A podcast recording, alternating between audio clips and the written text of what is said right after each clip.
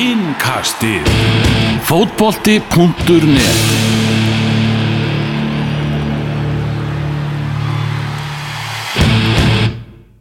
Komið sælir hlustendur góðir og verið velkomnir í innkastið tekið upp uh, 22.09 7. mars 2018 Það er af nægu að taka í þessum uh, þætti í kvöld. Elvar Geir, Daniel Geir Moritz og hjá okkur er Haldur Martinsson af rauðudjöflarnir.is Hvernig ertu Dóri? Ég er bara mjög fín, takk. Þú ert mjög fín Mjög. Það er nefnilega afskaplega gott uh, Hvernig ert þú sjálfur? Ég er, ég myndi segja að ég var alveg nýju sko, Vá, ok, það er, það er rosalega á mikið skalanum 1 til 10 þar já, já.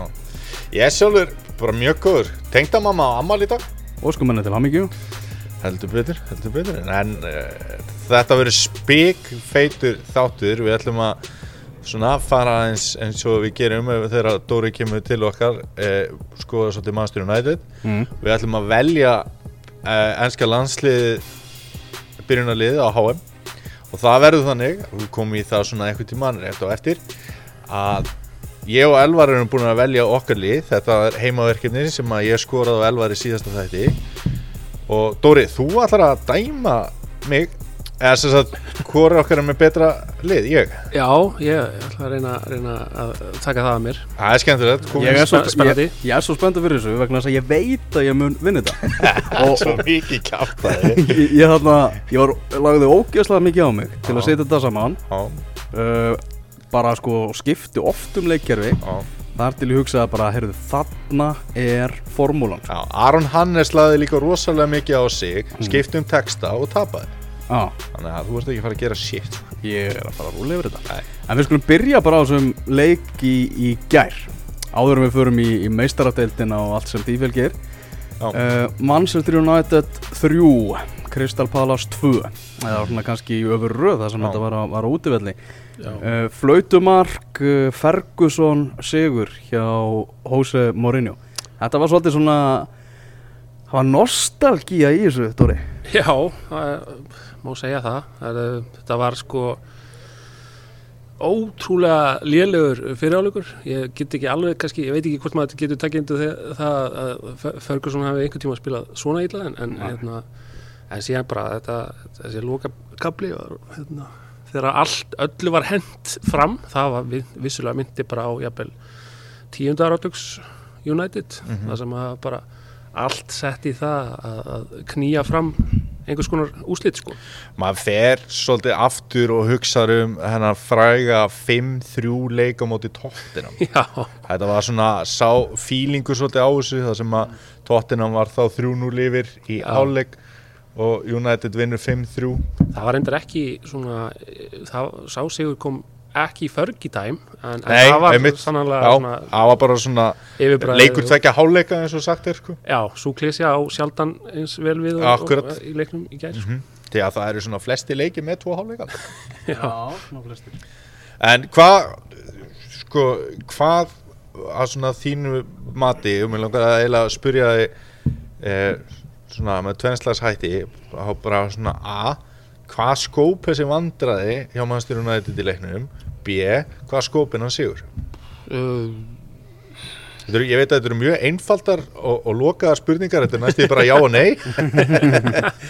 Já, þetta var alveg Þetta er mjög ódæmi gert að vera 2-0 undir í hálfleik á móti ekki sterkara liði. það var reyndar 1-0 undir í hálfleik Já, fyrir ekki, já, það kom hérna snemma í, í sem að- sko þeir, þeir reyndar hefði alveg getað verið 2-0 yfir í hálfleik uh, United síndi ekki neitt í, í fyrir hálfleiknum þetta Mhm. var bara kraftlaus, andlaus framista Mhm. og það sem að leikmenn voru bara að gera voru virtist ekki tilbúinir voru að gera grunn, alveg svona grunnmistök og, og svona spila með hangandi haus og, og hérna, þetta er bara erfitt að segja þetta var eiginlega bara því að það var í sjálfur sér ekkert að þessu byrjunarliði þetta var bara upplutt byrjunarlið þetta var fínt fín uppstilling sem maður hefur viljað sjá 4-3-3 og, og en það var bara, ég veit ekki þeir, Crystal Palace endar með að fá fullt kredit fyrir það. Þeir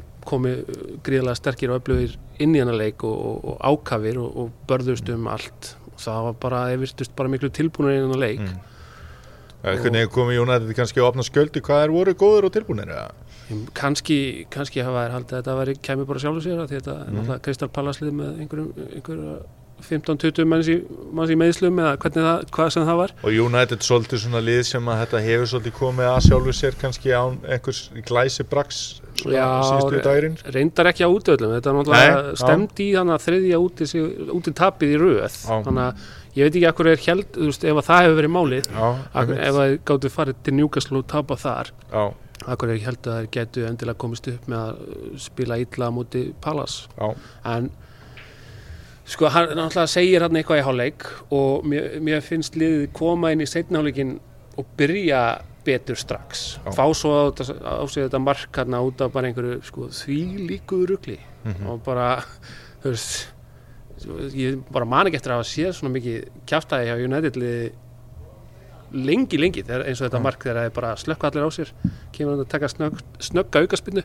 sendur hann einn í gegn mhm. og það er bara, þú veist, það er engin með ekki Nei. eins og DG, hann Nei. hreyfis ekki þú veist, þetta var bara, þetta var skrítið mark sko. Og Mourinho hafði orð á því eftir leikin að DG geti, hefði átt að gera betur í þessum mörkum allan, hann markinu um tvö, hann sko, hann hreyfis heldur ekki í, í fyr, fyrsta markinu, Mhm. en þá náttúrulega fer boltinn af Lindelöf, þannig að maður svona, getur ekki alveg kannski verið fút út í hann þar. Þetta- maður er farin að setja mikla kröfur á Já, ég að þetta að- endur spekla náttúrulega líka alltaf geðu eitthvað kröfur á já, já. en hérna en, þú veist, mér fannst það kem, þið komaðan inn í setnáleikin greinlega búin að fá, hann var búin að láta að heyra það og gerir þessa skiptingu það, veist, hefði ekki komið mér á óvart þótt hann hefði gert í hálfleik Nei. þetta var bara þannig fyrir hálfleikur Já. Og þannig stjóri já, já, en hann ákveður að taka strákin út á og, og hérna þú veist, Pogba og Matic hefðu ekki verið betri en McTominay og, Mm. og voru í sjálfur sér hefnir að- byrja setnáleikin og Rashford kemur hann inn og er sprækur til að byrja með og svo fóður á setjamark og eftir það þá einhvern veginn þú veist, halda þér áfram samt og, og, og þú veist og svo er það bara þessi skipting þegar hann tekur, hann tekur tvo bakverði út af setur eitt bakverð og Juan Mata inn á. Mhm. ákveður bara, já, Jesse Lingard þú kannski lítur eftir hægri bakverðastöðunni svona þegar þú máttur að annars bara spilum við með fleiri í sókn. Já, og, og það var þá var þetta bara einhvern veginn þá var, var þetta of, of erfitt fyrir Pallas og, og, og, en það, það þurfti samt þú veist, þetta þurfti að hitta samt og, og Lukaku til dæmis, ég var mjög ánægð með hann í restina náði þetta í öfnunumark já, sem var virkilega velgjart já, algjört seglumar og svo bara þessi, þessi, þessi draumabomba þarna í lókin frá Matic líka einmitt með Matic að að, hérna hann, hann er svo einhvern veginn svona óutreiknarlegu leikmaður. Hann hefur það ekki orða á sig fyrir að fyrsta fyrir að vera neitt sérstaklega fljótur. Nei, en hann er alls ekki eitthvað svona hann er ekkert mest í sleði sem að við höfum séð í þessari stöði heldur. Nei, og svo kom þarna eh, eins sending manni þegar United var í þessari hápressu undir lokin það sem að bara hvað var þetta? Og allt í nú var Lukaku komin einn á risastórt svæði fyrir einhverja rosalega góða snuttu sendingu frá, frá hérna hjá veist, þetta, þetta er geggjaður gæi. Það er bara líka bara hann hann er svo ótrúlega fjölhæfur einhvern veginn og er ennþá hvað hann er búin að vera í deildinni mörg ár hvað er maður búin að horfa á marga leiki með honum en samt kemur hann manni á óvart og svo náttúrulega þú veist, það er stundur sagt já, hann myndi setja nýju af tíu svona færum í neti þegar einhver klúðrar. Já, Matic gæti tekið öruglega nýju bolta eftir þennan og skotið og klúðrað. Þú veist, þetta var daldið svona hann hefur samt stundu sett svona langa svona bolta. Ég, ég hugsaði samt bara þegar ég sá boltan detta hana fyrir Matic bara hversu hátt er þetta að fara yfir já. Það var það sem ég hugsaði. þannig sko, þetta var Já. svo geggjað velspinn Já. og bara frábær endanhundur á frábæra endurkomu sko. þetta er líka, sko, nú hef ég hort á þetta mark mjög oft síðan gær. Já. mjög oft. Bara ef ég rúlla á Twitter og sé einhvern með gif-mynd eða reyfmynd af þessu, þá horfi ég á þetta mark. Á, og þannig að maður hefur séð þetta frá mismöndi sjónarhóttnum þetta er sko þetta, ef það er eitthvað mark sem þetta minnir mig á svona upp á bara skotæknina og snúningin þá er það markið sem skólskoraði á móti Barcelona í meistræðildinni 2008 á, Af því að, Ah. veist, það var reyndar, það var margfald flottara mark af því að hann Mhm. fór hann upp í vinkilinn og var gegn aðeins betra liði en, en í svip, Örlítið. svipum búningum samt. Já, en, en, en það var þessi, veist, þetta, þessi utanfútar fallegi utanfútar snúningsbogi Mm. sem að, veist, hann tekur hann fram hjá varnamanninu, eða mið, miðjumanninu sem er að reyna að blokkera skotið og bara markmaðurinn er alltaf að reyna að tegja síðan þetta, svona, þetta, þetta stríðir honum Já. aðeins þannig að svona heldur hann eigi séns Já. og- en er alltaf að fara frá honum Já. og þetta er bara virkilega vel gert Já, sko. En ef við horfum á hana leik, þú veist bara liði hjá Crystal Palace, liði hjá Manchester United, uh, Mourinho á móti Roy Hodgson, ég menn þetta átti alltaf að vera sigur Manchester United og ekkert annað. Já, þetta, sko, þetta hefði alltaf átt að vera hundleðilegur fótboltaleikur með Rói. Hodgson og Mourinho og, allt þetta. Þetta hafa nú ekki. Þetta var príðið Æsta skemmt skemmtir, já. En ef að þú veist United hefði tekið hana leik bara 2-0 örugt uh, gegn því þú veist að þeir vinna þetta svona heldur að þessi sigur geti gefið liðinu meira? Einhvern veginn að ná þessu 2-0 undir, vinna 3-2 ég meina fag, fagnaðalætin já, eftir leik hjá leikmönnum Manchester United það er svolítið langt sem maður hefur séð svona innilegan fögnuð einhvern veginn eftir leik það er rétt, það er rétt Þetta er rosalega undirbúin spurning Þetta er fálega vel gert Takk. Já. Þetta, er, þetta, er, þetta Það er var sko. þetta er svona fagnalæti eins og þegar það var verið að skora mark sem að kemur áfram í byggar þetta, Það er var- þetta það var var alveg þannig, fagnalæti Já. sko. það ég get alveg vel trúa að það geti, geti hjálpað sko. Ég tek undir það líka og þessi sigur líka þú veist hann var risa stór að því leiti að hvað er þetta komið nýju steg niður í Já, niður í, niður í Chelsea. Já. þú veist þetta er svona að fara langt með bara innsikla topp fjóra. Já, og veist í stóra samhenginu breytir það engu að, að endi í öðru sæti eða fjórðasæti ekki neinu, nei, Nei, nema bara montrétturinn sko, og fer beint í meistaradildina hvað sem endar í öðru sæti eða fjórða. Já, já. Hann, Það er náttúrulega í því stóra samhengi En við vitum náttúrulega allir þrýra Lið á eftir að kappkosta að lendi öðru sæti frekar. Já, og, er- og, og hérna að geta hort á lið fyrir neðan sig og, og Mourinho myndi alltaf bara við vitum hvernig hann er hann myndi hugsa já við hefðum verið meistarar það væri ekki fyrir einstak tímabil mannstu sitt Mhm. og hann notar það á leikmennina sína og, og ætlar sér að gera það mjög vel.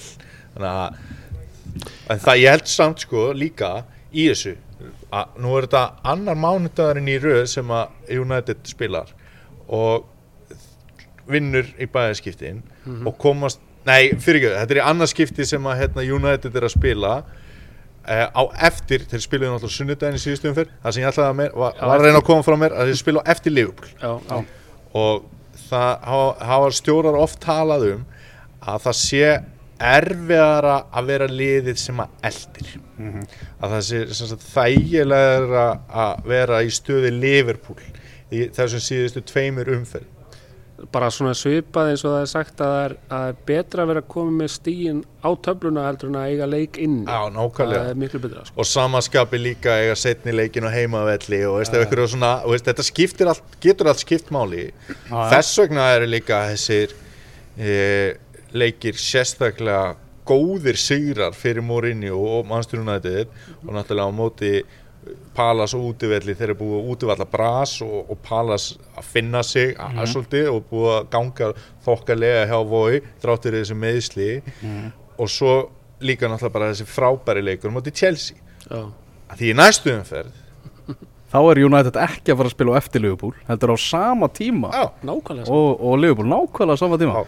Það er náttúrulega Manchester United Liverpool á Old Trafford á laugadaginn klukkan 12.30 dömu mínar og herrar. Hvernig er tilfinningin Dóri fyrir þessum leik? Sko ég, ég, ég hef verið að sjá einhverja stuðnismenn Liverpool sem eru svona bara frekar sigurvissir. Ég segi ekki að það sé meiri hluti þeirra það eru náttúrulega flesti kannski Hvað Viðar Skjóldal boltinn það. hann, hann, er mjög kókröstur sko. já, hann sagði Sum- bara ég hef ald, mér er bara aldrei liðið jafn vel fyrir leik á Old Trafford Nei, nei, og su- sumir sem að, maður hefur séð með þetta benda bara og alveg hafa nokkuð til síns máls, máls á gengi og spilamennsku liðana á, að undarferðnu.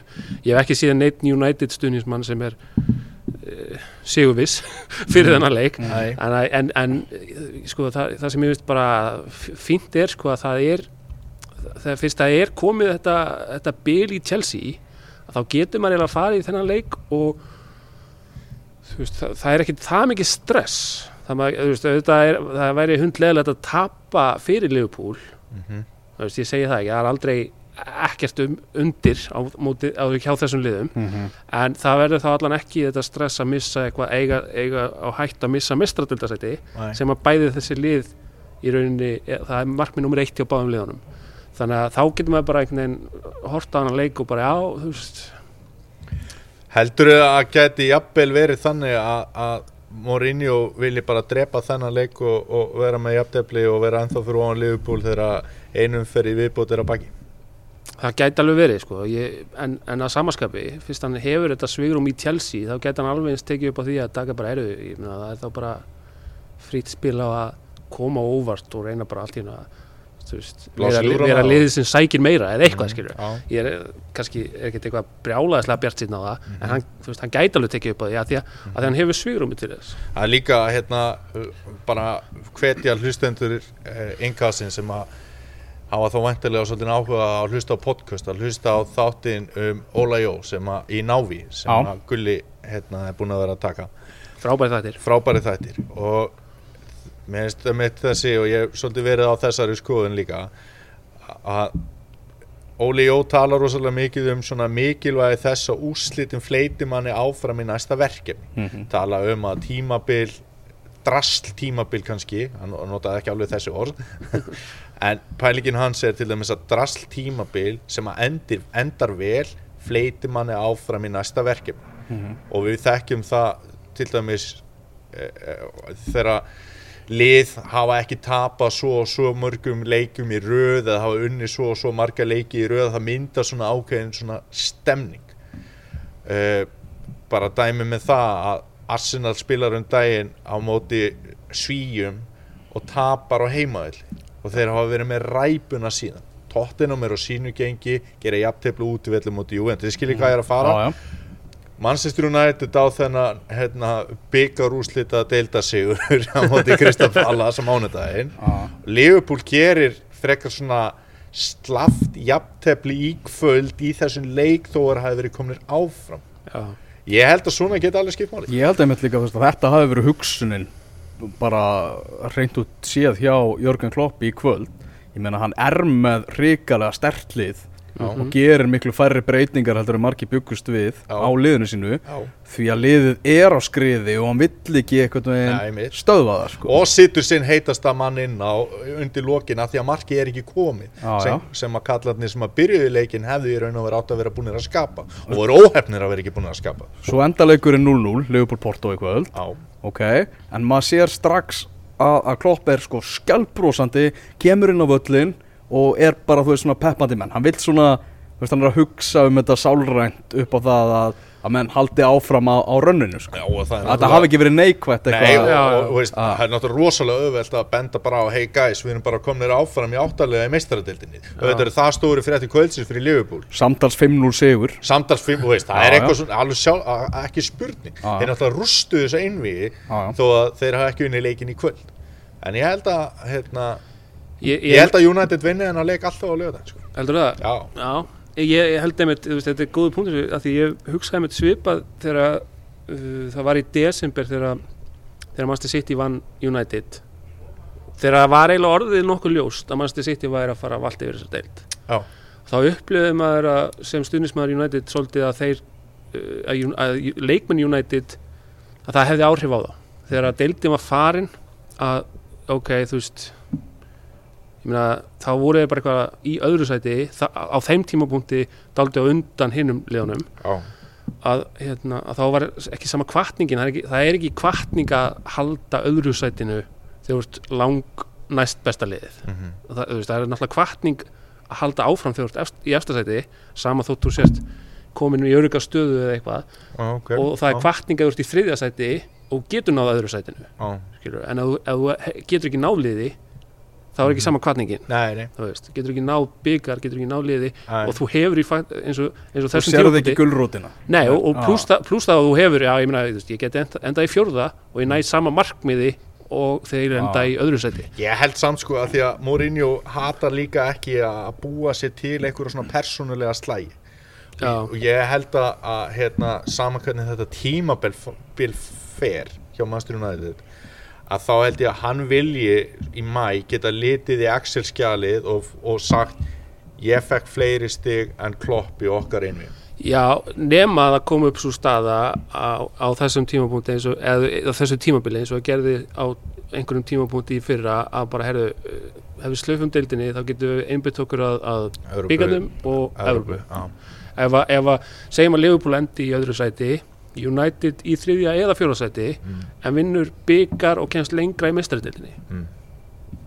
Það, ég meina það, það, veist, það er það bara að sjálfsögum Já, sérstaklega, en- sérstaklega náttúrulega með að, að deildin er hún er búin og, og, og massa var að byrja sko. en það er náttúrulega ekki kannski tímapunkturinn til að taka það ákvörðun núna skilur, þannig að það er þanniglega að sé meira undir í þessum leik núna heldur en ef það væri komið apríl og byggarinn væri miklu nær Já, skilur. Ég held líka Morinni og sé það geðveikur og, og á jákvæðan hátt að hann lítur á að Manchester United sé í möguleika í deildin ennþá. Jörgen, Jörgen Klopp var mjög hress í kringu þetta MVI uh, Porto og, og Liverpool.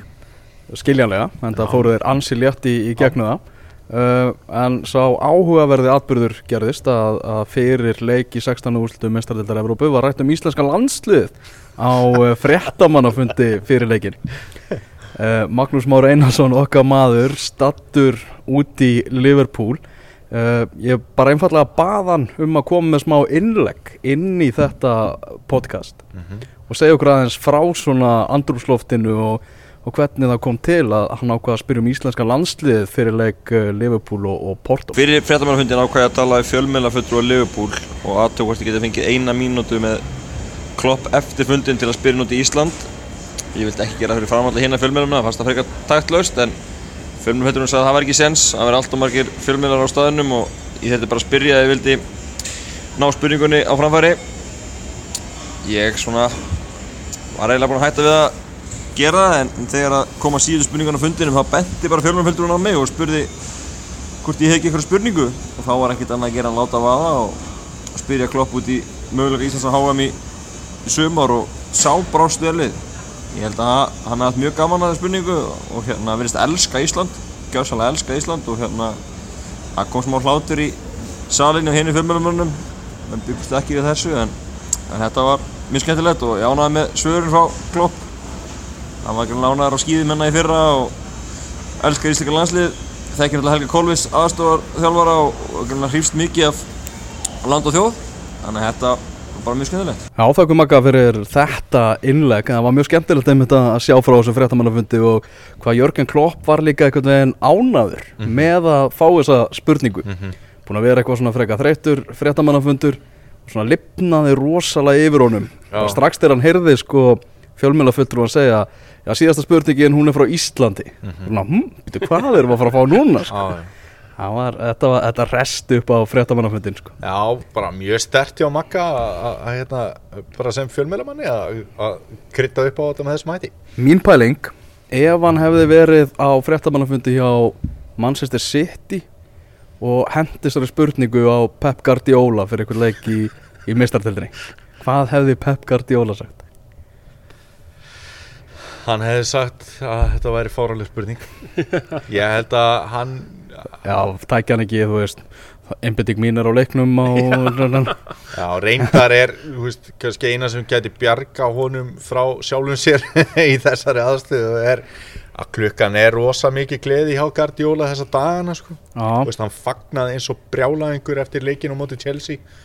Guardiola, Guardiola er náttúrulega stórkostleg stórkostlegur uh, fótboltaþjálfari Mhm. og stórkostleg bara svona persóna að vissu leiti Já, en hann er hann er, hann er ekki til í eitthvað mikið sprell á fréttamannafundum sko, það, er Nei, ekki, held- það er ekki alveg hans sko. ég held líka að við, að- eins og við höfum stundu farið í, í leikin með Pepsi-deildina, þú veist, með hvað að- að, hérna, þjálfara væri til í að fara í helgaferð til London eða eitthvað svona skilur. Það er þetta frábæleikur Það er frábær leikur, mæli með að fólk fara í hann sko og þá líka hvernig hún væri sístilega að fara með sem er líka mjög góða leikur eh, ekki jafn jákvæðu kannski en ef við færum í þann leik í, í, eh, þú og bara allir færi í þann leik í enn skúrastildinni Já.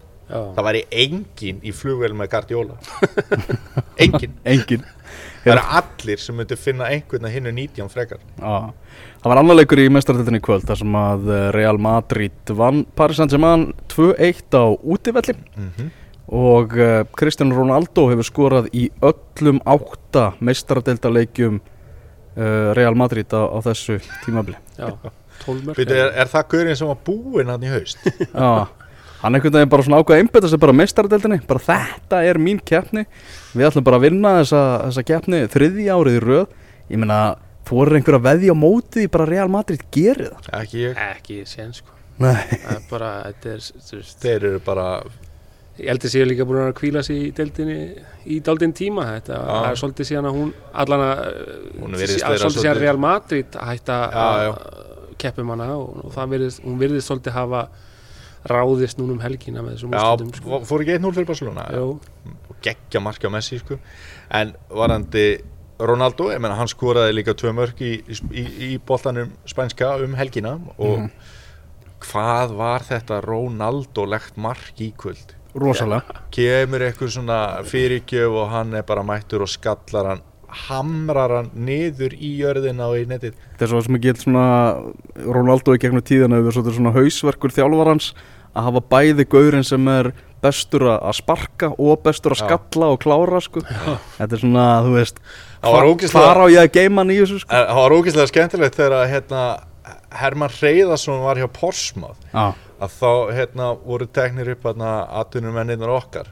Frábæra þettir frábæri þættir.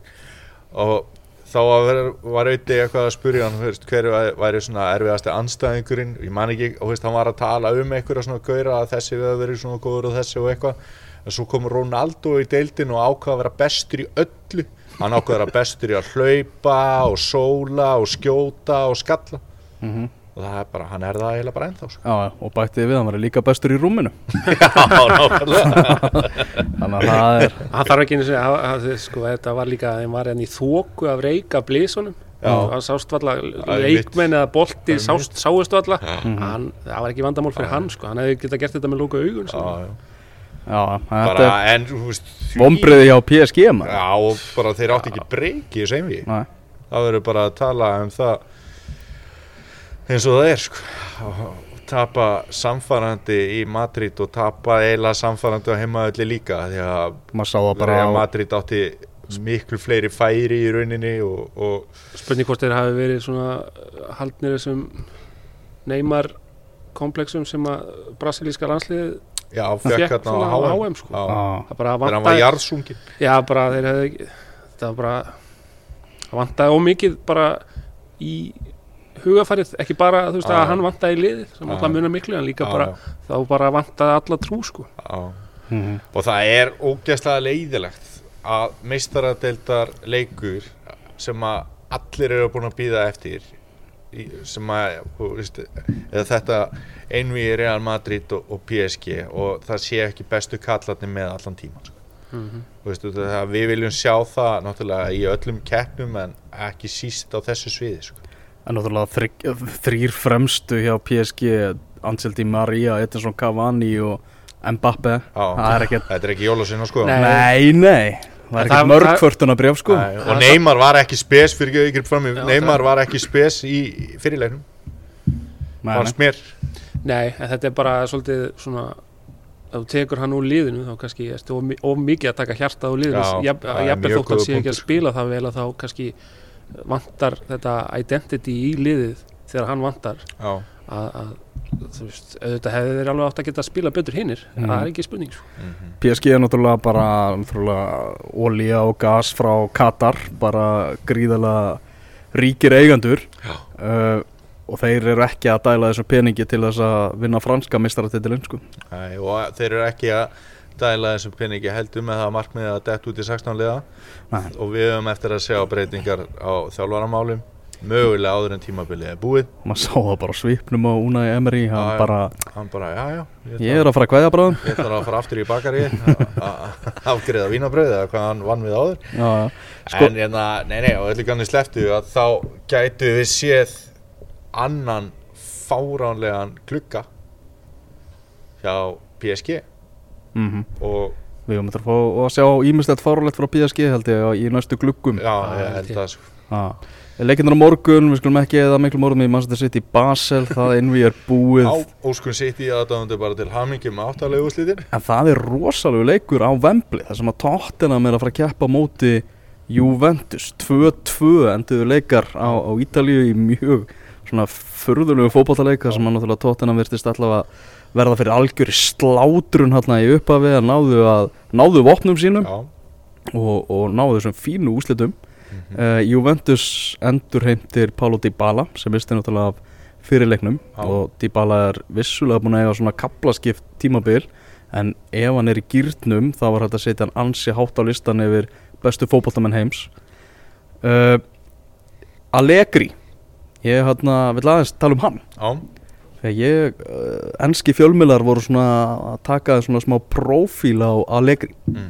og ég vissi miklu minna um Allegri heldur en ég held sko já, uh, það var svona að vera að lesa þess í persónuleikan hjá hann sko. Já.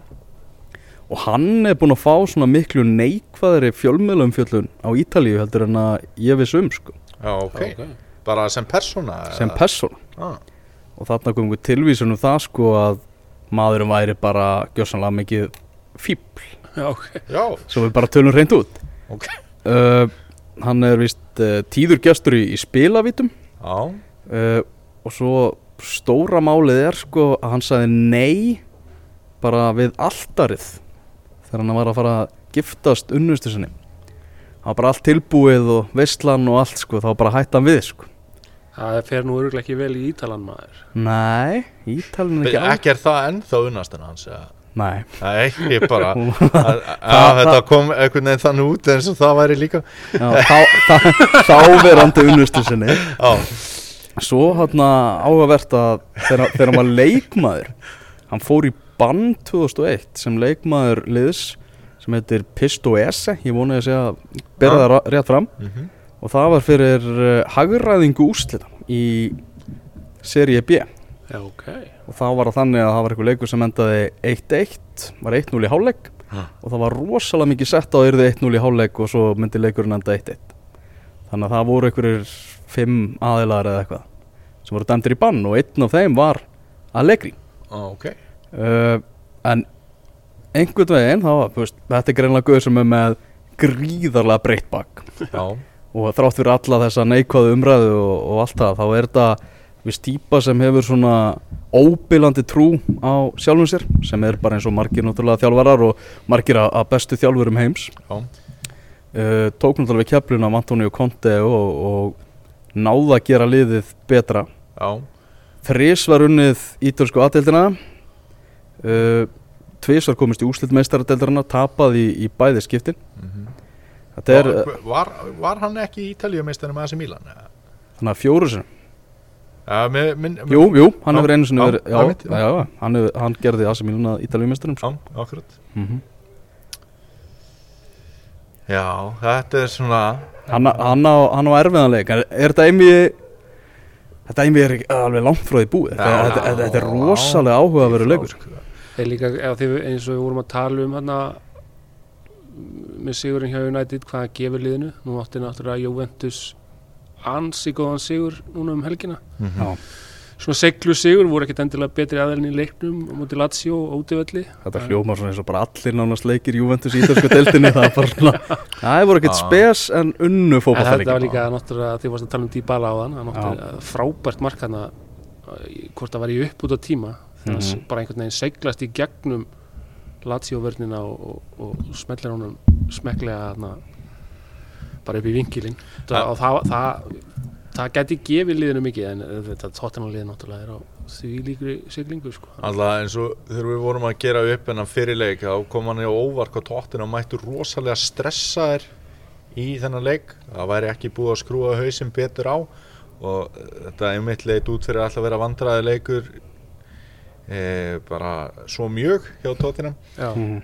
en þeir fara út úr fyrirleiknum sem ja, einhvers konar sigurverar ég held að þeir fara áfram, ég spáði fyrir þetta einvigi og, og það er svo mikið einhvern veginn í gangi þarna og þetta er líka smá svona verða að segja að það er smá óskikja það er auðvelt að heilla staði sem að er í gangi hjá Tottenham og Positino og svona og, og, og hérna og Juventus liðið er kannski pínulítið finnst manni á liðinni niður brekkuna. Þeir eru ekki með sömu yfirbyrði á Ítalju og maður er ekki að sjá þá fara í úslítalegi meistaradeildinni þó þau gætu klára Tottenham. Þannig að ég held að Tottenham er eftir að klára það Ég held það líka, ég, ég mitt, var hérna í gestur þegar við vorum að fara yfir þetta eftir, eftir að var dreig, þá held, ég spáði ég því, því líka sko. Já. Ég stend alveg við það, held, held það sko ennþá en, en það er samt þetta með Juventus það sem þeir hafa er náttúrulega bara, við erum Juventus. Já, já. við höfum verið náður og við, veist, við, það getur verið sko, þeir geta verið undir það eru veist, fimm mínútur eftir Mhm. en þeir hafa samt það veist, og Tottenham veit það líka. Það, það er svona helst það sem getur unni með Juventus en, en ég held samt það er er í betri stöðu og og ef fyrir líka bara svona í starffræðileikin sko eh, ég myndi segja afar litla líkur að því að Tottenham skori ekki í leiknum. Já, Þú veist, það eru mjög góða líkur að, að Tottenham skori mark og það er alveg góða líkur að því að það verður þá Harry Kane en já, við segjum það. Þá Eða svon eða son, já, er náttúrulega heitur eftir helgin og þá, þá þarf Juventus alltaf að skora tvö mörk. Mhm, ég er ekki jafn samfæður um að það geti ekki mhm. Tölum aðeins um hérna svon uh, Áður en að við komum að því Allegri, jú, fjóru sinnum Unnið, unnið tók náttúrulega með, með AC Milan líka. Það er rétt þér Mhm. uh, Svon með bæðumörkin á móti Höttersvíl 2-0 og ha, Tottenham er feikilega vinsælt apparat í Suður Kóru Já. og það kemur manni kannski ekki á, á óvart. Uh, hver einasti leikur síndur og allir hressir. Já. Þeir eru með skemmtilega fítus í Suður Kóru þegar leiki Tottenham eru síndir í, í beinni útsendingu sko, ok. Sem að ég rakst á í dag. Já, ok, og það er það að þegar Son er inn á vellinum þá er svona lítil andlitsmynd af honum í hotninu þannig að ef að þú ert í Suður Kóriðu dettur inn á tóttinaleg þá getur þú séð hvort að Son sé inn á eða ekki það er geggja sko. Okkur gerum við ekkert svona? Stötu sport, ertu að hlusta? Við viljum fá bara á Burnley og Everton leiki. já, bara fá mynda Jóa Berg og, og, en þú veist, og þá er oftast myndaðum það sem þeir eru báðir náttúrulega fasta menn, já og meðan svona Fastamenn. hefur svona verið aðeins inn og út sem að ég skil ekki. Ég finnst skrítið þegar Lamela eða, eða Mórar hafa verið að ídónum til hliðar. Á, já, Já, gríðarlega skemmtilega leikmaður já, hann er ótrúlega slúkt gæi, hjá hann sko. líka það bara þegar maður sá fyrramarkið á þetta, þetta þú veist, það var, gerir ekkert mikið betur en þetta Já. jú, hann gerir bara mikið betur setnamarkið var alveg sko, það var svo skemmtilegt mark Já. hann tók skallan bara það var ekkert, ekkert auðvöldu skalli sko. Sendingin frábær hjá Kane Já. þetta- hvernig hann tekur hann skoppinu og bara hann hann er leggur hann í, í Já. fjærhóttin sko. hann er að reikna stefnu og hraða bara já, veist, eftir þetta er útpælt sko. leifir, hún- leifir hún svona að skoppa vennun á sig bara og stýrir honum í, Já.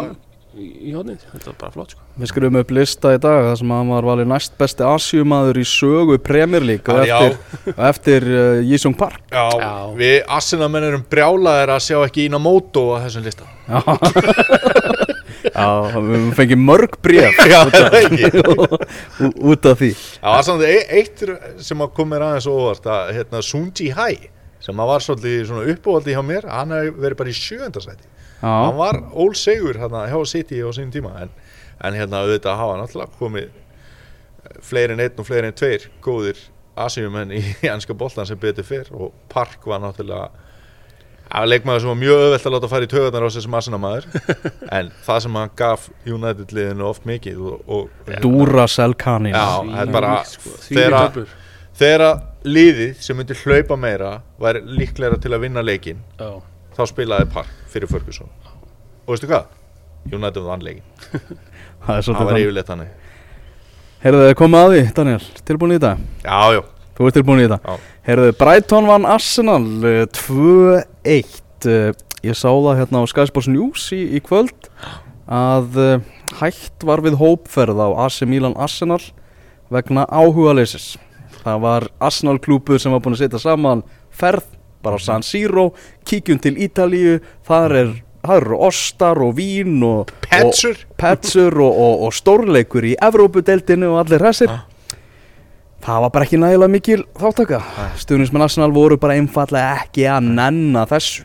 Og bara undirstrykja að þú ert að tala um ferð frá London þú, veist, þú ert ekki að tala um frá Keflæk Nei, það er bara, svo það sé bara alveg kristalltært já, og með að við stærð eh, félagsins eh, fjölda stuðningsmanna eh, bara svona hvað komast margir á völlin á, á heimaleiki þá er galið að fylla ekki einu flugl Ég held að sé að reyndar hægt að útskýra þetta frekar með bara þetta sé einhvers konar yfir, yfirlýsing sko, Já. frekar en áhuga leysi Já, að því ég meina þú veist e, seg, sko, segjum að þetta væri bara meistardildarleikur AC Milan væri svona e, eins og 2007 AC Milan. Já, þú veist, þú veist að þetta liðir alltaf að fara í úslitin sko. mhm, og, og, en, en þá væri samt gaman að fara til Milan Mhm. þú veist, þótt að það væri kannski ekki sigurvis mhm. þannig að það, þú veist skilur, skilur hvað með það, ég hugsa að þetta sé alltaf frekar mótmæli heldur en þú ert ekki búin að, Áhugaleysi. þú ert ekki búin að tapa einvíðun þetta er fyrri leikurinn og allt það sko Já, já. þannig að svona og, og Milano er ekki, er ekki beint svona ljótasta borg í heimi sko. Nei, Nei, einmitt, einmitt Ég segi það en þetta er bara sömu skilabóð og stuðnismenn Arsenal síndu í leiknum á móti City um daginn bara með því að mæta ekki á já. Ég held að það verði örgulega bara algengara eftir því sem líður á. Og það er eiginlega skemmtilegt að segja frá því að leikmenn Arsenal mætti ekki heldur. Já, sem að City, þú ert að vísa til leiksins á fimmtudaginn, það sem að City valtaði yfir Arsenal og aftur. aftur höfðu Já. gert það nokkrum dögum áður um, á nákvæmlega sama hátt.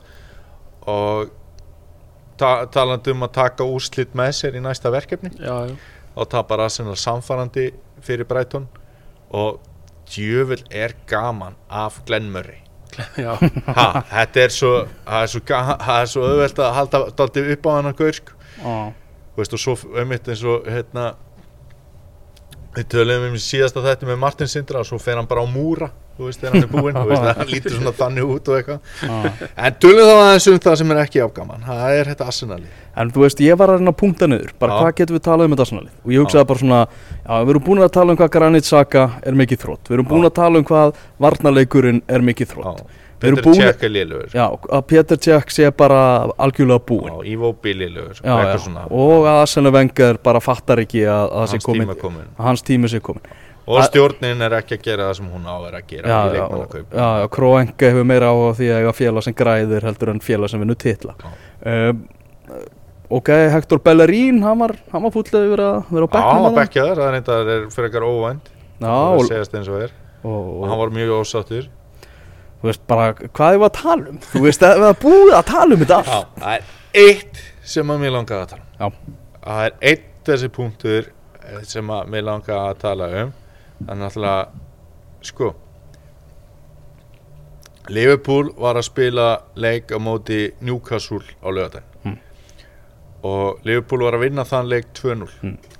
og að einhverju leiti mætti segja að Liverpool hafi ekki verið neitt eh, svakalega sannfærandi í stöðinu 2-0 Eh, Það hljóma svona kjánalega en þú veist þeir voru ekki að halda alveg áfram svona sínu leik og eitthvað neginn og Jörgen Klopp var á hliðarlínunni algjörlega berjálaður hann var að láta sína menn heyra það í stöðinu 2-0 fyrir Liverpool. Arsene Wenger hefur ekki farið út á hliðarlínu bara síðan í desember. Þú veist, hann er þarna bara eins og einhver bara foksljót mubla inngróin í, í en varamannabæk og það er engin karakter það er ekkert í gangi hann segir ekkert neikvægt um leikmennina í fjölmiðlum heldur er hann bara að tala um bara já, ég er búin að neyta öllum störfum í heimi til þess að vera hjá Arsenal hvar er ástriðan? Líka sko að því að ég meina gott og blessað ef hann er ekki típan sem getur kveikt á hárblásarunum hann er típan sem getur kveikt á hálfblásun hann hefur oft gert það. Er það? já, Er það, á það ekki að vera hans svona karakter enginni að hann sé ekki uh, hvað, hérna, confrontational hann, hann Já, veist- ekki hann gerir það ekki fjölmið Nei, hann er, hann er já, nefnilega ég, held þú að, veist, ég held að það eitti við bara um hann sem bara já, stjóra hann er, jú, ok, kannski alveg hálfblásaðin skilur en það er sem ég er að segja, þú veist, akkur ertu þá ekki með bara einhvern veginn hliðin á þér sem getur þá bara látið menn heyra það, ef, skilur, ef að þú ert típan vilt, vilt ekki vera Já, já. að eiga að þú færður þá ekki gaur sem að getur aðeins látið menn heyra það og, og, og svona þegar það þarf að, að, að, þú veist að það getur alveg verið þá kvartning Mourinho sagði það nú eftir leikin eða leikin gegn Crystal Palace að það sem hann sagði í háluleik hann gæti ekkert endur tekið það fyrir nákvæmlega. Veist, og það augljóslega hafði áhrif þótt, þótt að kemur Ég meina, það sem að, það sem að Wenger hefur sagt í háluleikum á þetta Breitón það er hægt að gefa það út sem batnaði það er öllum drullu sama sko. Já, já, en Ha, hann, hef, hann hefur ekki blótað. Já, en, en minnst það góðu punktur sem að, sem að Dóri er að tala með sko, sem við uh, tala um, sem að minnum á hérna tístið frá, frá okkar bestamanni, Pís Morgan. Mm. uh, þar sem hann var að tala um þar sem hann byrti bara mynd af vengar á varamannabæknum og við hliðan á honum var Steve Bolt. Já. Og Steve Bolt er náttúrulega gamall varnamaður er varnar og er aðstofamaður vengar uh, er bara svona gefið út að hann byrja ábyrð svolítið á varnarleiknum. Já, og varnarleikurinn hefur verið rusl. rusl og verið rusl ógæðslega lengi. Mhm. af hverju er þessi maður ennþá við hliðin á vengar Það er bara mjög góða punktur. Það er mjög góða Og punkt til dæmis þá held ég að ég sé ekki að fara með fleipur að, að hérna, Steve Bold var hluti að fjaramanna vartalínu sem að fekk á sig átjá mörka eitthvað tímabili hann skúrastildinni. Átjá. Mhm. Veist, það er svip á Arsenal búið að fá sig í þessari viku. og hann ætti nú að hafa, og hann hef, hafði það orð á sér fyrir að vera svona e, harðhaus, jafnvel bara frekka grófur Já, þetta er algjör auðningi það er ekkert að frétta hjá honum heldur á bekknum og við vorum nú einmitt, við þurftum nú ekkert að- fara í, í einhvern Piers Morgan til, a, til að ræða þetta. Við vorum nú bara að spjalla um þetta einhvern tíma við Þóri Hákonason Já. og hann var einmitt bara hvaða grínkall er Steve Bolt? Veistu, af hverju er aldrei talað um hann? Mhm. og veistu hver veistu hver er síðan þriðji svona stór í hausinn í þessu þjálfarateimi það er Jens Lehmann. Hvað hefur Jens Lehmann á orði? Fyrir að vera algjörlega geðbilaði maður nei, ándjóks það sem að hann hefur bara, þú veist, hann og Droppa bara, YouTube-ið það núna Lehmann við Droppa það er bara, það er heila aðrjú sko. hann ætti þá allan að geta gargað það er ekkert að gerast. Næ vandamálin eru Það er rosa engin fyrirliðið að segja neitt. Það er engin þjálfari að segja neitt. Það eru engin úrslir Þetta er búið. Í alvöru tala sko. Leiðarlokk Þetta er bara leiðalok uh, Arsenal er fimm stegum undan Burnley Já. sem að vann sinn fyrsta fótbollaleik uh, á þessu ári Já. með því að vinna Everton 2-1 Eitt samt áður en fyrir mín annan leik Já. Það er bara að peppa minn mann hérna í Brighton aðeins að því að e, hérna, Chris Húton nei, Pascal Gross ótrúlega góð kaup og, og ég var mjög ánægður þegar ég sá að hann var komið í ennsku deildina því ég er nefnilega datt óvænt inn í það að fylgjast aðeins með honum í Þískalandi þegar hérna sonu minn sem að var á þeim tíma mikill fótboldágamaður og var dottinn inn í það að grúska í hinum og þessum deildum benti mér á Ingolstadt sem var félag sem var frika, frika nýtt félag sem var komið upp í Þískað boltan og þarna var leikmaður sem hann held mikið upp á sem heit, heitir Pascal Gross Mhm. og, og hann nefnilega ástæðan fyrir að ég var alveg vissum að þetta væri góð kaup fyrir Brighton var að hann kom úr mjög svipur svipuri hann kom úr mjög svipur liði svona Já. litla liði sem var komið upp í efstutild og hans svona mjög stöðugt skilaði mjög góðum tölum fyrir Ingolstad í gegnum þau tímabil sem að þeir voru í efstutild Já. bara virkilega, hann var með hann var að skapa mest færi held ég bara allra leikmanna í þýsku dildinni Já. þannig að það einhvern veginn það, það, já, það var svona og, þú veist, flottar flott föst leikatri til dæmis Já. bara eins og sást á móti Arsenal og, Mhm. og bara virkilega solid leikmaður Já. sem passar vel inn í þetta að vera í svona underdog liði Já, þannig að ég, það sem að hann líka svolítið hefur að því að hérna, e, svona meða við kannski svona spinnutækni og, og, og, og svolítið svona aðra tækni einhvern veginn að þá er hann samt hann er dálítið vaksinn eins og Glenn Murray.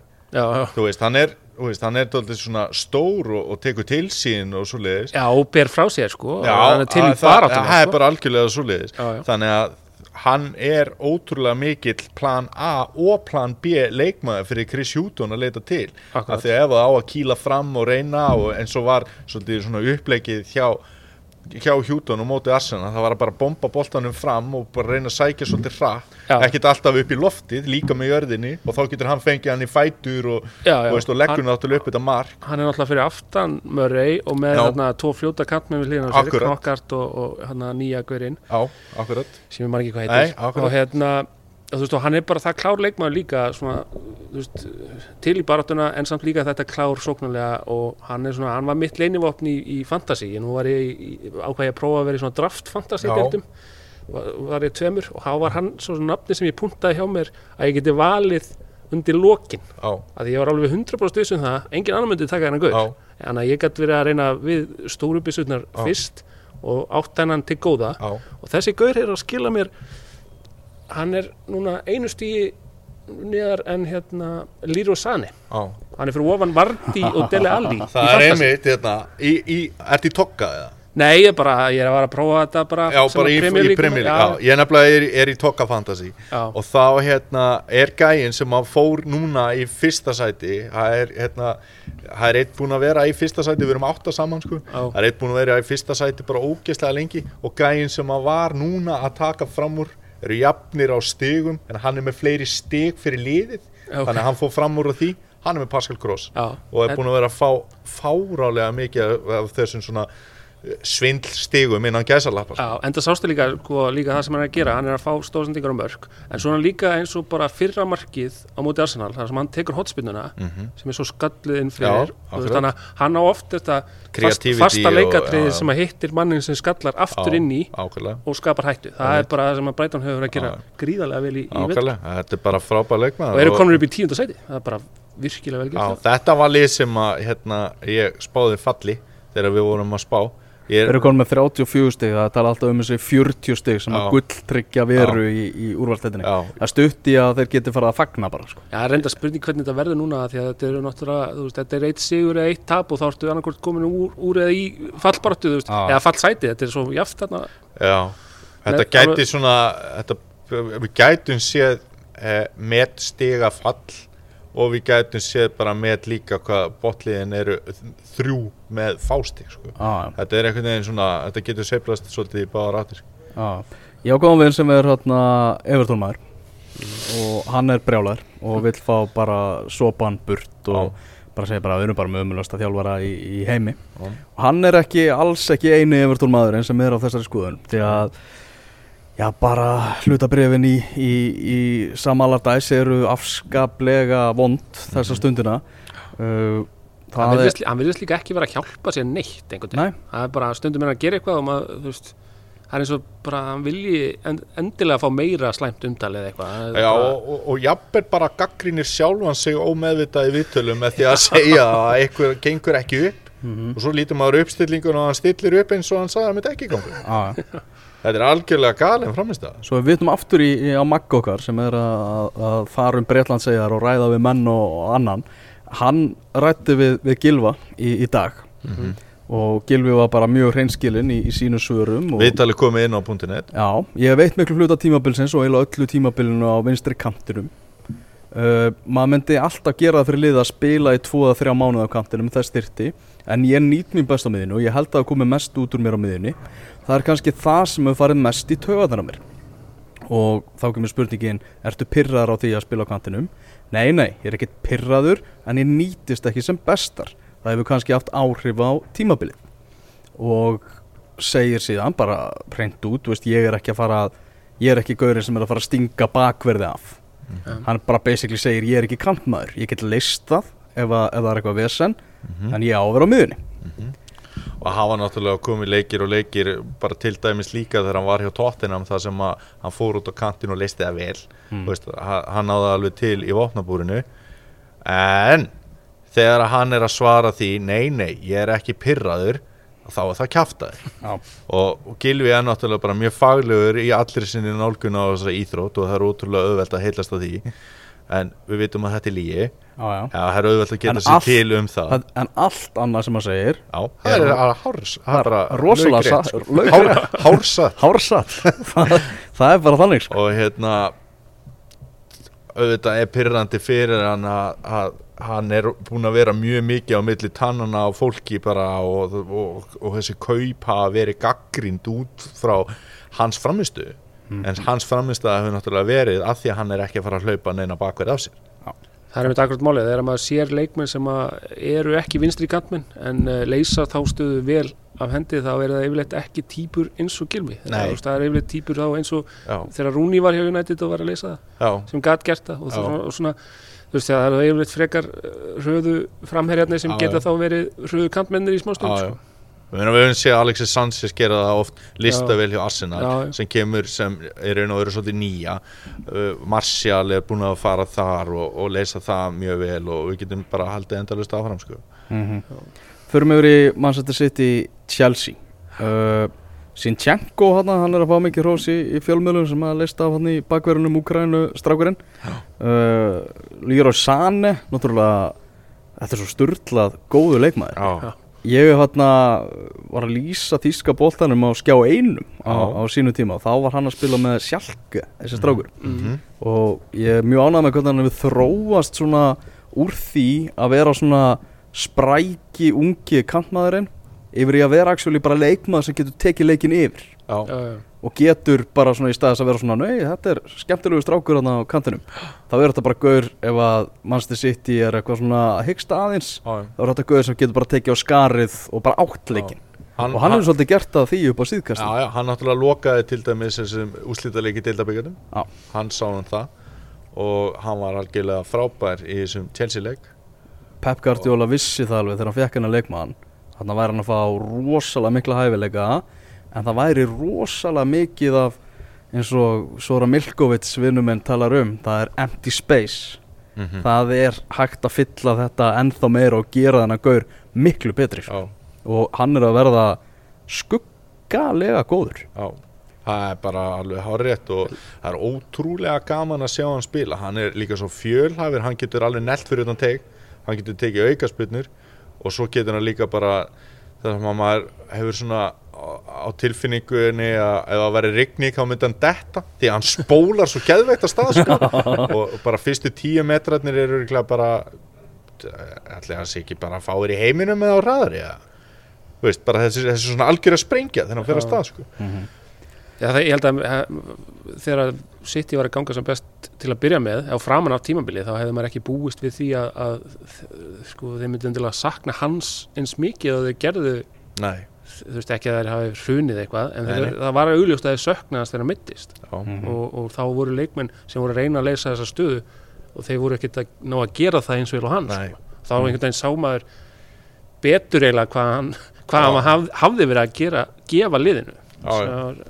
og bara til dæmis að sá sem er nú búin að vera ein afskæðustu stjörnu sitt í samt í vetur er Raheim Störling sem hafa verið átt heilt yfir betra tímabil en Sane þó að Sane sé búin að vera svona þessi e, bjartasta pera upp á síkasti að þá veð, veðjar Guardiola samt frekar á Sane í byrjunarliðinu upphæðu móts heldur en Störling þar sem að Störling var bara daldið á bekknum sko. en svo líka, það sem að mér finnst daldið skemmtilegt með hérna, City, eða skemmtilegt, allavega áhugavert að í félagaskiptaglugganum þá meðist Sanne og hérna eh, Guardiola virðist ekki einhvern veginn alveg treysta Bernardo Silva.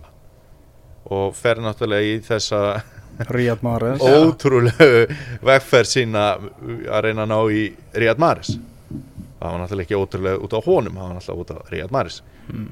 Bernardo Silva, hann er að nýta sína sem sá núna heldur betur í ferfur í Störling það er allt að tikka bara. Það er alltaf tikka er kompani er komin aftur aldrei verið betri það segir líka sitt um hversu sturla liðið þetta er að Chelsea mætir að ríkjandi englandsmeistarar Já, og þeir þor ekki að fara yfir miðju og þegar uh, hann Konte er gaggrindu fyrir það að hafa ekki farið í miðju, átt ekki skot á markið í leiknum Mhm. þá segir hann bara, þú veist, ef við hefum gert það þá hefur við bara tapað 3-0 Mhm.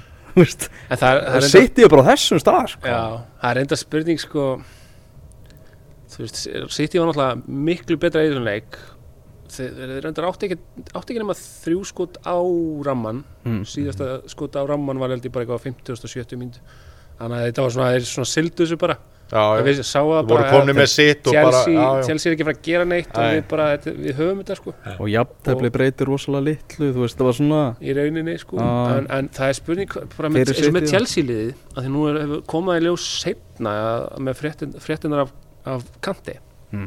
Að hann hefur bara fallið yfirlið fallið Já. yfirlið fyrir framann allt liðið bara eftir æfingu þannig að bara svona veltið fyrir sig hversu mikil áhrif það hafði á Já. liðið sko nú, Mhm. þú veist, bara ein, að því að það hefur örugglega ekkert verið neitt sérstaklega hugulegt að upplifa það Nei, það hefði náttúrulega ekki verið hugulegt þó að það hefði verið, þú veist, bara einhver, að það hefði Giroud sem að var ekki Já, að fara að byrja er bara að leikinn segja þú skilur. veist að svona Þannig að sam, fyrir- le, sko, það er náttúrulega hann er það, að þá er missa geðu upp koman leikmann Já, þetta er búin að samerinn í þennan tíma unnu mm titinni saman og þetta er Mhm. svona, þú veist, maður gerir ráð fyrir að hann sé veliðin í hóp og Já. svona þú veist, inn, Já.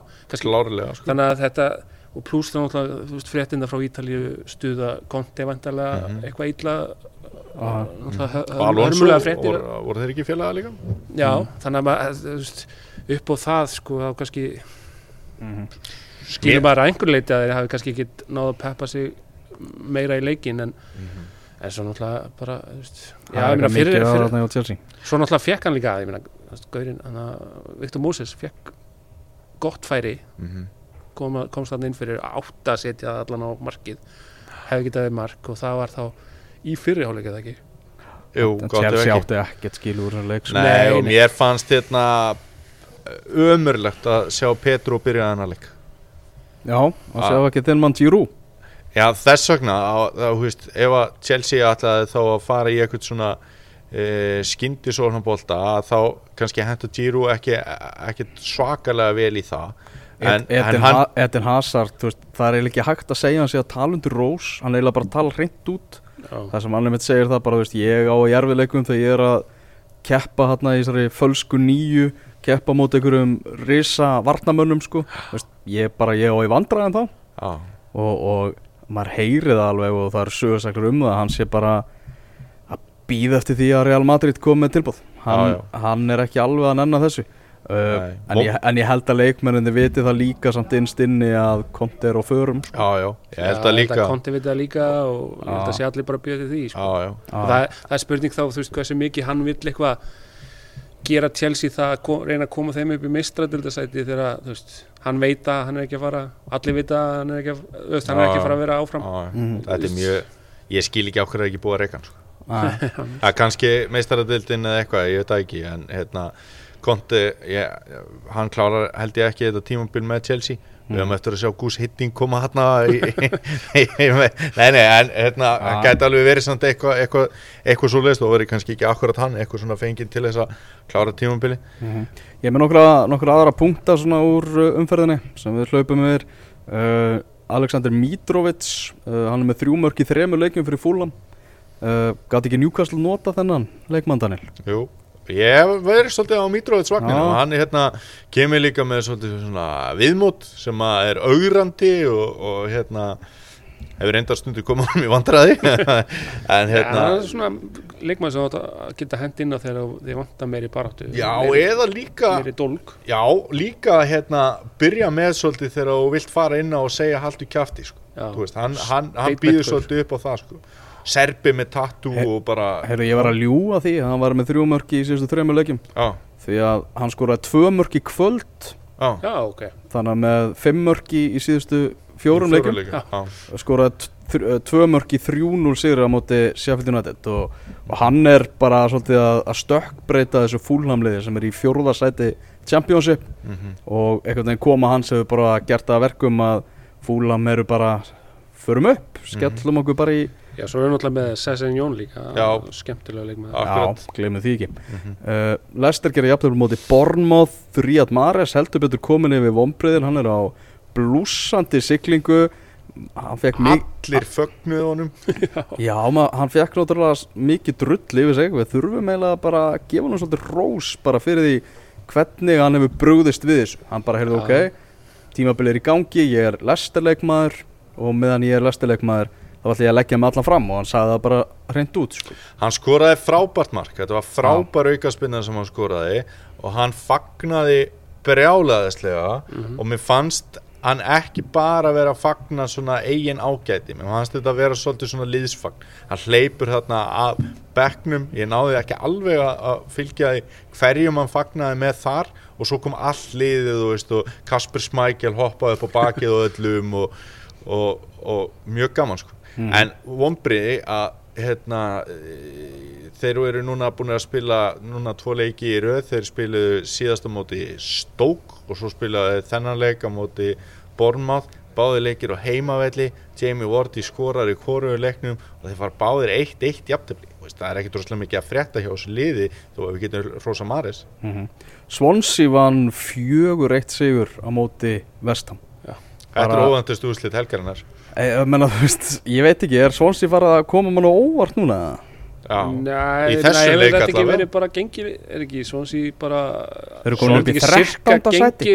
eftir að skiptum stjóra þeir eru búin að voru í basli fyrir þessa umferð sko.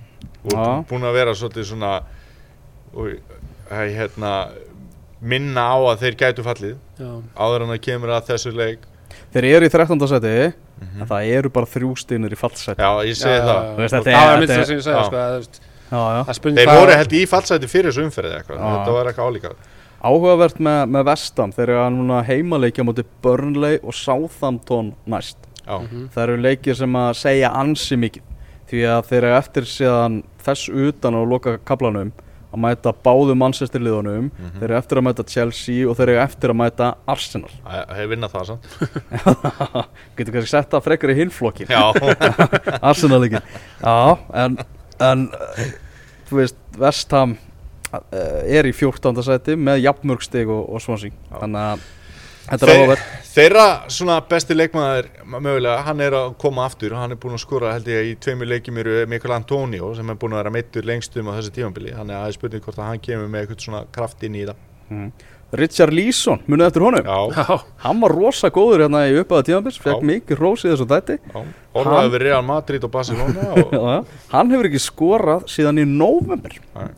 og hann var tekinn að velli á 54. mínútu þegar Votvort þetta vann Vestbróm um helgina. Og, og hver skoraði síðumarkið? og hann var mjög ósáttur Richard Leeson við þegar að vera tekinn að velli. Var Já. alveg rosa pyrraður og eitthvað. Það er spurninga hvort það með ekki bara senda hann í smá frí. Bara aðeins í, í smá kælingu. Nei, ég held ekki. Nei, nei, við erum búin að tala um mannin sem að skora segumarki alveg nógu í þessu þáttum, það er Troy Dini Okkar besti. Þetta var huguleg, hugulegt slút hjá honum Já.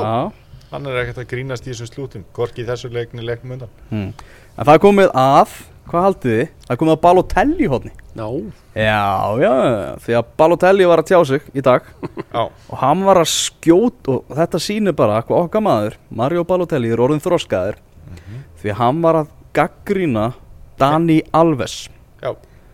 Uh, mun eldri mann. Nú er Balotelli farin að svara heimskulum kommentum sko. Já, nú er hann bara hvernig nenna menn að vera að svara heimskulega í, í fjölmiðlum sko. Já, því að uh, það Sýkjaði smörðurinn Balotelli.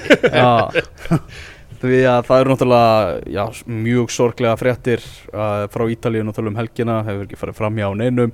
Með Davide Astori fyrirlega Fiorentina sem að lést í svefni fekk hjartastopp hérna uh, nóttina fyrir leikamóti út í Nese uh, sem að, já, það kom einhverja fréttir um það að vera að fara að rannsaka hvort að uh, döðsfallið hafi verið með saknæmum hætti en, en það hefur komið í ljósa að þetta var bara hjartastopp. Mhm. sem að fekk hana óvænt í, í svefni og, og öllum náttúrulega á Ítalíu frestað og, og allt anneg og, þetta og mínútu þögn fyrir leikina í mestaratildinni í kvöld og öllum Evrópuleikjum vikunar uh, náttúrulega alveg þetta er mikill harmleikur. mikill harmleikur og hann Dani Alves leikmaður PSG var í viðtali það var í hérna á fréttamannafundi fyrir leikin núna í, í, í, kvöld. Og þar var hann spurður út í þetta, þetta reikalega dæmi þetta, þetta stóri og hann sagði bara já, hérna, þetta hefur ekki mikil áhrif okkur, við þekktum hann ekki neitt. Uh, við skiljum alveg að þetta hefur áhrif á fjölskyldans en uh, á hverjum degi eru þúsundi batna að deyja og, og hans líf var ekkert eitthvað merkilegur en þeirra þannig að þetta er, hann sagði bara basically þetta er ekki stórfrétt Mhm. og okkar maður Balotelli hann sagði það bara uh, það sem hann sagði það var kannski ekki rám en hann hefði geta bara á þessu stíi haldið þessu fyrir sjálfan sig sínt samúð og bara haldið kjafti Mhm. sagði okkar maður, Balotelli Já, hversu þroskaður er á norðin sko. og það er hægt að taka undir með Balotelli bara vel orða hjá hann Já, og hann sagði það að hann hefði viljað bara fara á í jarðafuruna hjá Astori sem er á, á fimmtudaginn. Mhm. þannig að það er, það er við erum ánæðir með okkar mann. Já, algjörlega. Og gaman að rifja upp eina sögu þegar Balotelli fór í kirkju. Mm. þá fór hann í kirkju í Manchester einhver jólin. Og svo fór fólk eitthvað að það er svona frjálsframlög kassi eitthvað. Svo var fólk eitthvað að rýna í hann þarna á aðfangandaskvöldi og þar voru bara þykkustu seðlabúnt sem að hafa borist þessari kirkju. Þá mætti Balotelli bara og fyllt í kassan á kassi. Að sjálfsögð, að sjálfsögð það eru 99 dagar í HM mm og uh, það er komið að heimaverkefninu. Já, það er komið að byrjunalið í ennska landslýsins já, og ég var nú ekki að búast til því að England yrði heimsmeistari í, í sumar. En þegar ég fór að skoða Þeir verða það náttúrulega sérstaklega ekki þegar þú ert þjálfarinn. Jú, en þegar maður skoðar og fer að reyna að setja saman byrjunalið já. þá hugsa maður bara holy moly sko. það er er bara ekkert um rosalega auðugan garðagris það er ekki fræðilegu möguleiki. Þú veist, Gareth Southgate bara verður bestu stjóri allar tíma ef að gera þetta liða heimsmyndsturum sko. já, en við erum að fara í Já, það er eh, byrjunalið anska landsliðsins og þú átt að velja, Tóri hvort Já. liðið er betra.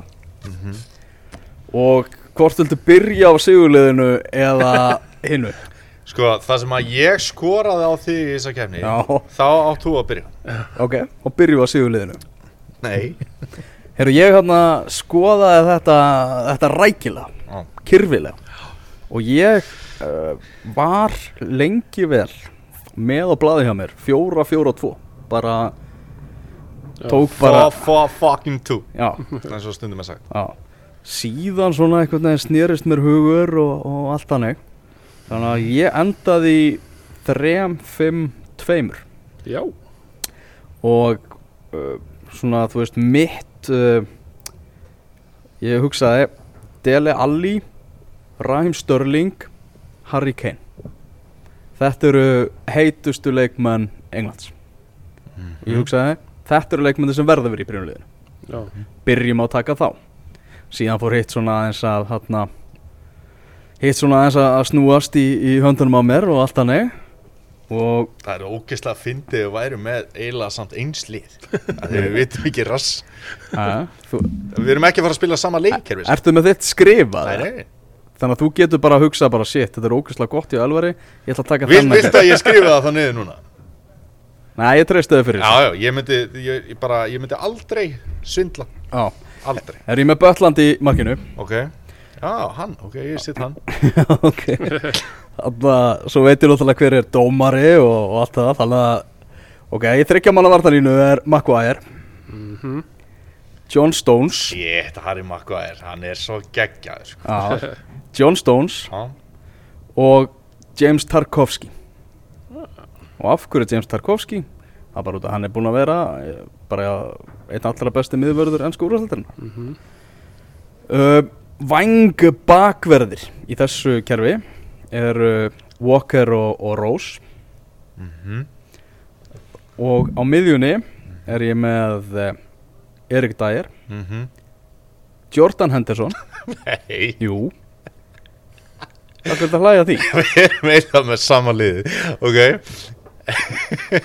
Ok, Dóri, núna heyrir það að hann var með allt ála lið. Nei, nei, nei, nei, þessi, þessi, þessi hlátur Þú þekkir mig, þú þekkir mig. Daniel, þessi hlátur sagði- aldrei svindla sko. Þetta var óttaslegin hlátur Nei, þetta var engin Jú, þú ótti í hugsaði bara, þessu. ok, ég er að fara að skítappa þessu. Nei, nei, nei. Er Já, ok, með Dyer Henderson og Del Alli á, á, á miðri miðunni og síðan saman frammi það er svolítið skemmtilegt sko.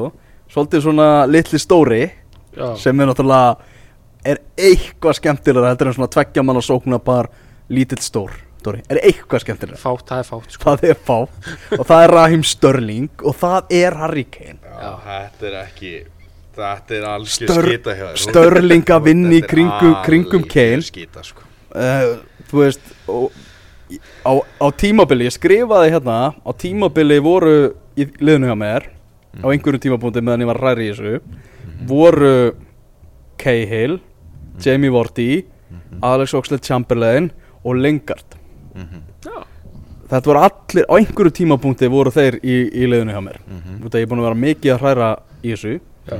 svo klukkan sjö í kvöld eða eitthvað þá datt ég inn á þetta og ég hugsaði bara ok, þetta er ekki toppað sko. Bara hugsið hugsið ykkur þetta lið sko. og ég er svo ánægð með það að Daniel Geir trúði mér ekki þegar ég sagði það að, ég væri að fara að rúla yfir þetta. En núna sér maður svo mikið á svipnum að hann er búin að játa sér sigra Nei, nei, ég sjálfur, ég var ekkert að djóka, sko. Ég er með þetta hérna að skrifa. Ok, Þannig að ég ætla bara að þylja þetta upp hérna og svo Dóri verður að kíkja þá á þetta sko. ég vil að Dóri kíkja á þetta. Ok Ég er ekki með þetta að skrifa Þetta átti að vera svona leiki, skilji Þú ert aðeins búin að eðalega það, sko. Það er samt vel leikið sko. Já, já, ok. Herri, mitt liðið þannig. Já. Í markinu er ég með Jack Böckla- Böckland ætlar að hafa Pickford? Nei, og við meira að segja mistum það eiginlega báðir út úr okkur þegar við vorum að, þegar þessi áskorum fór á stað fyrir viku að hann er alltaf í marki, er Ertu líka í 3-5-2? Nei, ég er í fjóri, tveir, þrýr, einn. Sem að mun henda ennska landsliðinu miklu betur heldur en eitthvað fjósakerfi hjá Elvari. Okkur að því bara listen and learn sko. bakverðir eru þeir sömu á vangbakverðinir hjá þér? Og mér fannst það var einfaldast í heimi að velja Kyle Walker í hægri bakverð mm. og síðan er bara snúið að velja vinstri bakverðin að því að það eru svona kandidatar sem mann, lang, mann langar að hafa til dæmis Danny Rose sem kemst ekki í byrjunarliði hjá Tottenham Mm. svo er Luke Shaw með, hann kom líka hann, hann, hann er bara hægtur að spila Já, ég segi, Já. ef við værum að velja þetta lið fyrir kannski mánuði síðan þá er ég jafnvel á því að hann væri í því, sko Hann kom hann inn á, virkaði nú ekkert eitthvað í besta forminu sko, en, en, en hann virkaði samt vel sko þegar hann að koma inn á þegar Pallas var orðið þegar þeir voru orðið einmitt. sko, en, en ég einmitt. og hann alveg hann stóð sig ákveðlega og, Já. og veist, þannig, sko já, og svo má þá líka velta fyrir sér svo Asli Jóng, þú veist, á maður bara að setja hann þú veist, ákveð ekki ég veit það ekki sko Nei, og veist, þetta er ekki en Danny Rose bara, þó að hann sé ekki byrjunarliðsmaður í dag Já. að þá, hérna eh, er það mögulega út af einhverju svona samningavesenni og öðrum ástæðum heldur en fótballtalega Mm. Miðverðir hjá mér, þá var ég með John Stones líka. Mm. og ég setti Chris Smalling. Þú settir ekki Harry Maguire. Nei, ég setti ekki Harry Maguire. þið, ég setti hann Já. og ekki þú. Já, já, ég hef verið að keira vagnin en hérna já, ég ætlaði að setja hérna Smalling, maður minnst Ok. vera búin að vera mikill uppgangur á hans leik. Held líka að þetta, já, það fyrir ekki að ég held ekki að tjá mig, ég er dómari og hérna, eh, jú, jú, þú mátt alveg tjá þig sko, sérstaklega um sigur lið en það sem að er líka bara með þann, þú veist, það eru mörk í honum, hann er góður í föstu leikatriðum og, og hérna það er svona önnur hæð. Þú ert reyndar með þessa hæð í Harry Maguire en þú ert líka með þrjá miðveri. Ok? Tveir sitjandi á miðinni þar er ég með Erik Dyer og Henderson. Já. það er eiginlega sko, Henderson var, var svona á leiðinni að spila sig út úr liðinu. Jack Wilser kom svolítið inn og, og, og, og hérna Hugsaður eitthvað um að hafa Erik Dyer í Hafsend? Nei, aldrei. Ég hugsaði það. Þú veist ég að kannski ég var með þryggja mánu að Hafsend ekki. Já, en, og það sem að mér fannst líka bara Erik Dyer er bara búin að eiga ógeðslega góða mánuð. Já. þannig að hérna hann, er- að að hann hefur ekkert sérstaklega heilla með þessu gaur. Nei. Og svo á maður að spáði, þú veist, einmitt á Chamberlain að koma, á maður að fara þá meira í fjóri, þrýr, þrýr þú veist, þannig að Chamberlain geti verið. En svo var ég bara, nei, ég ætla að vera með þessa hérna, tvo sitjandi. Mm. í hólunni sem sagt fyrir framan þessa tvo sitjandi er Jesse Lingard. Ok. Og af augljósum ástæðum. Hægra megin sem er búin að skora og skora og skora á þessu tímabili og leggja upp og bara X-faktor og klára leiki með bara mörgum sem að vinna HM ha, það er Raheim Störling Já, já, þú ætti ekki að sleikja Dóru upp með þetta, ég er með hann líka sko. Ég var að bara ég, Ok, áfram. veist, ég er að selja betra lið. Já, ég er með hann líka. Já, já.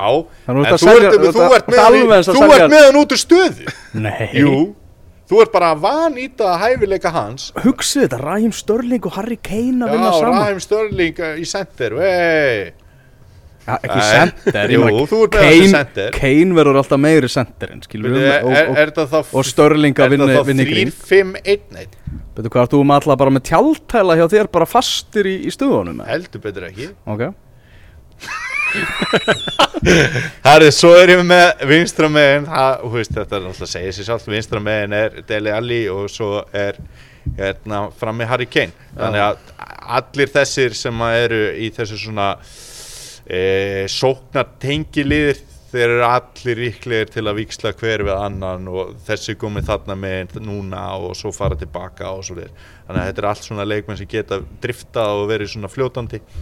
Og ég held að, að sitjandi Henderson og, og Erik Dyer hendi mjög vel fyrir aftan þessa þrjá.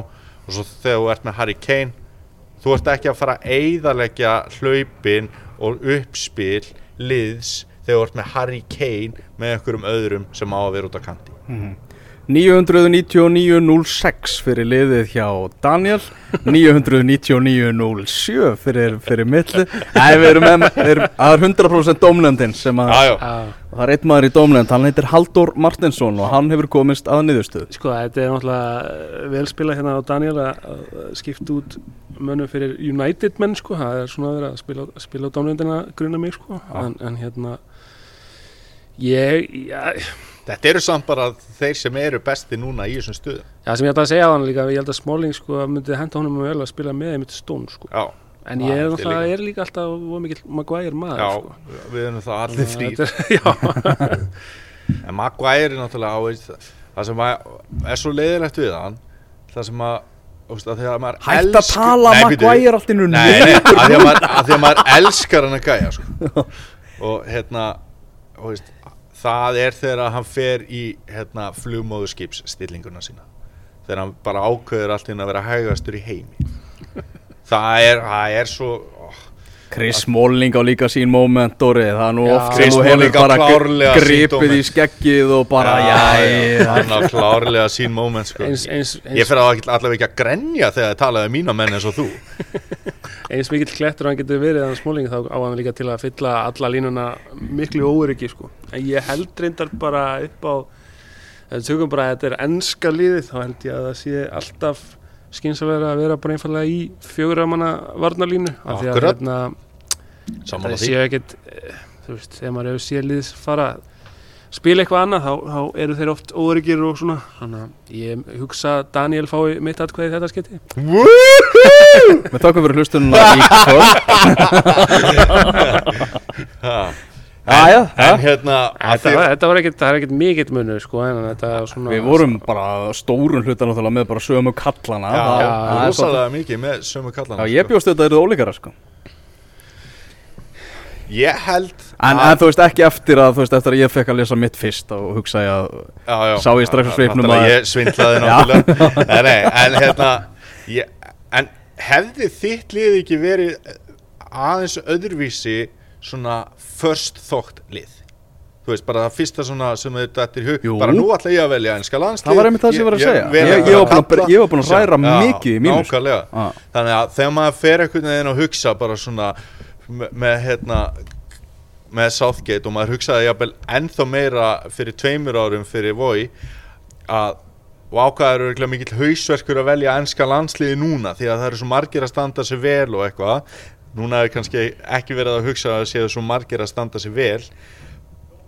Við vorum náttúrulega með þetta englandsmeistaralið Leicester sem að vann rétt á, áður en síðasta stórmót var og það voru margir hissa til dæmis að Danny Drinkwater var ekki valinn í liði og Jamie Vardy var ekki valinn í byrjunarlið en svo núna eru við hérna, einhverjir kallar á Íslandi að velja þetta lið og maður er svolítið svona eftir það, jújú jú, við fylgjumst vel með og allt það þá erum við maður samt, þetta er ekkert svo mikið hausverkur Nei, en það er að spurningi mitt að nýta þá þetta veist, spila á þeim sem er að spila vel og spila á þeim sem er að spila saman.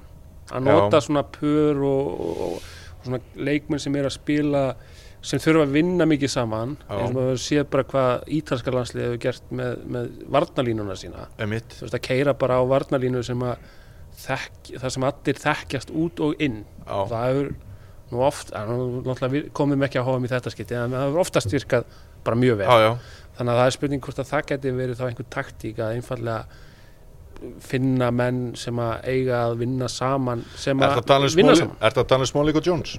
uh, Nei, reyndar ekki ég, ég var meira að hugsa um kannski þeir sem eru að spila Framar. uh, Já, þú veist, tala um það meira tóttunarleikmenn og og hérna, eru náttúrulega leikmenn og Þeir eru alltaf að fara að byrja og svo náttúrulega spurning ef hann fer, segjum til dæmis að það er aðeins nika frá þessu liði sem að ég valdi Mm. Lingard myndi dettu út og hann fær í 4-3-3 Mhm. þá er náttúrulega mjög sennilegt að Chamberlain komi inn í það liðin á miðuna dæmis sem eru Henderson og, og, og, og Chamberlain veist, það var líka Og sem líka að með var búið að detta í vera, hug sko. vera þá með Henderson og Chamberlain og jafnvel með Dyer líka og svo. Ali Já, ég, ég segi það sko að það, að það, þá ertu með og svona Ali og partnership. Störling þú veist, að, að, svolítið svona þjónusta þú veist, geta Já, bá, já.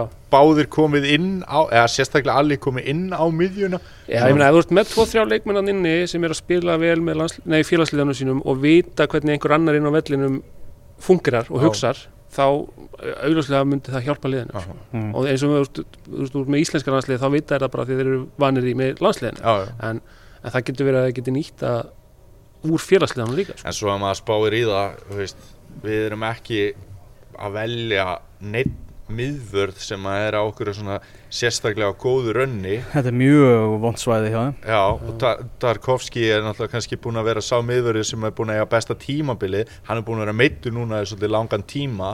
Við erum báðið Já, með vinstri bakkur sem kennst ekki í byrjunarliði í sínu liði. Við erum með mjög óspennandi markmann. Já, já það er spurningum að velja bara sem vinstri bakverð bara finna eitthvað lið sem er bara miðja eða neðarlega í dildinni það sem er bara einhver vinstri bakverð sem spilar alla leiki Ég held, að er við, ég held að við höfum báðir hugsað um til dæmis Ræðan Bertrand í því svo leiðis En Danny Rose er betri þegar þeir báðir eru í standi. Já, en þú ert bara með einhvern sem er alltaf solid þú þarfst ekki að hafa ágjur á hann þú, þarfst ekki að hafa ágjur á leikforminu hann spilar alltaf og er bara alltaf þú veist, ekki, Mhm. ekkert endilega flassi en Nei, nei. gerir bara sitt. Já, já. England er það er- ekki betra heldur en að vera með einhvern sem að þú veist ekki hvað er að Það fara er að gera hann er ekki búin að spila. Þa, það er kannski betra en það er ekki ennska liðin. nei, nei, nei England, England er í gerðli ásand Belgíu, Panama og Túnis. Þeir eiga bara að fara upp úr þessari ásand Belgum. Það er, það er bara ekki flóknar að Og það. Túnis. Nei. Já, það er svona skemmtilegt ef ekki England-Belgia síðasti leikurinn er það uh, ekki Jú, Jú, það er ábygglega rétt reikna með að það sé 28. júní. úrslitaleikurinn um, um, um sigur í það verður svona það verður ágættis uppbyttum fyrir síðan útslátt að kettina Ég gæti það líka bara verið þannig að annar liðið verið búin að gera jafntefli áður en að kemur að þessum leik. nei Heldur ekki? Þannig að, heyrðu, þetta er sögulegt engast Þetta er lengsta engastið, hingað til. Já. Bara til hamingjum með að taka þátt í því og gaman að fá þig, Dóri. Takk fyrir að bjóða mér Takk fyrir Sigurinn líka. Ha. Viltu, viltu plugga ykkur, Dóri? Þú, Herru, já, ég er með fleiri podcast. Ég, má- líð, líður valla vikan á þess að ég mæti einhver podcast þannig að ég er á Rauðu djöflun líka og svo var ég að byrja með 12 podcast. Já, 12.is þannig að talandi um háan Já, fyrsti þátturinn búinn og, og reikna með að við tökum upp þátt aftur í kringum það þegar nýja treyjan verður frumsýnd Mm. sem að ég er mjög peppaður í Heyrðu, hún verður frumsýnd 15. Mhm, og að kvöldi 15. mhm. þá verðum við með pubquiz engastið Ok, í salnum sem við erum að taka þetta engast upp hérna í það er spennandi Það er spennandi Heyrðu, bara góða nótt Góð nótt. Góða nótt.